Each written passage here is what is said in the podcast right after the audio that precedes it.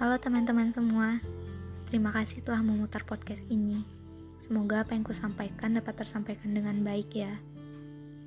Karena ini sepenuhnya opini dan sedikit fakta-fakta yang kubaca dan tergabung di dalam podcastku ini.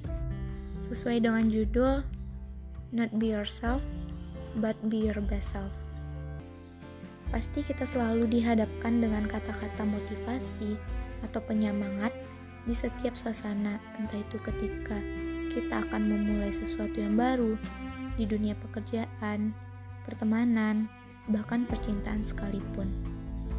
Be yourself menjadi kata-kata yang seakan-akan menjadi mantra bahwa kita tidak perlu risau dan khawatir dalam menjalin suatu hubungan baru tersebut. Namun ternyata kata-kata be yourself sendiri lebih luas maknanya dari apa yang kita tahu selama ini. Kata-kata be yourself tidak semata-mata membuat kita diam di tempat dan berpuas hati menjadi apa adanya kita selama ini.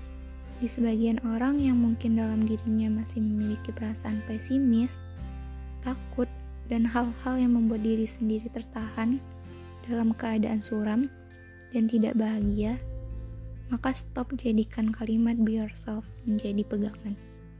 Menjadi diri sendiri berarti kita harus memulai dengan menentukan seperti apa diri kita sesungguhnya, yang senantiasa bergerak maju, memperbaiki diri, dan bisa selalu beradaptasi dengan lingkungan dan semua kondisi keadaan yang ada.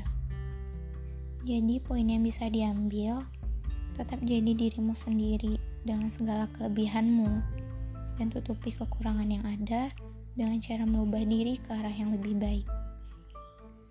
Pelan-pelan juga nggak apa-apa kok.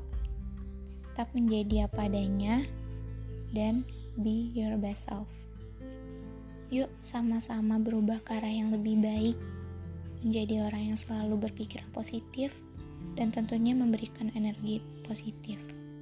Akhir kata, bukan maksud menggurui. Semoga kita bahagia selalu.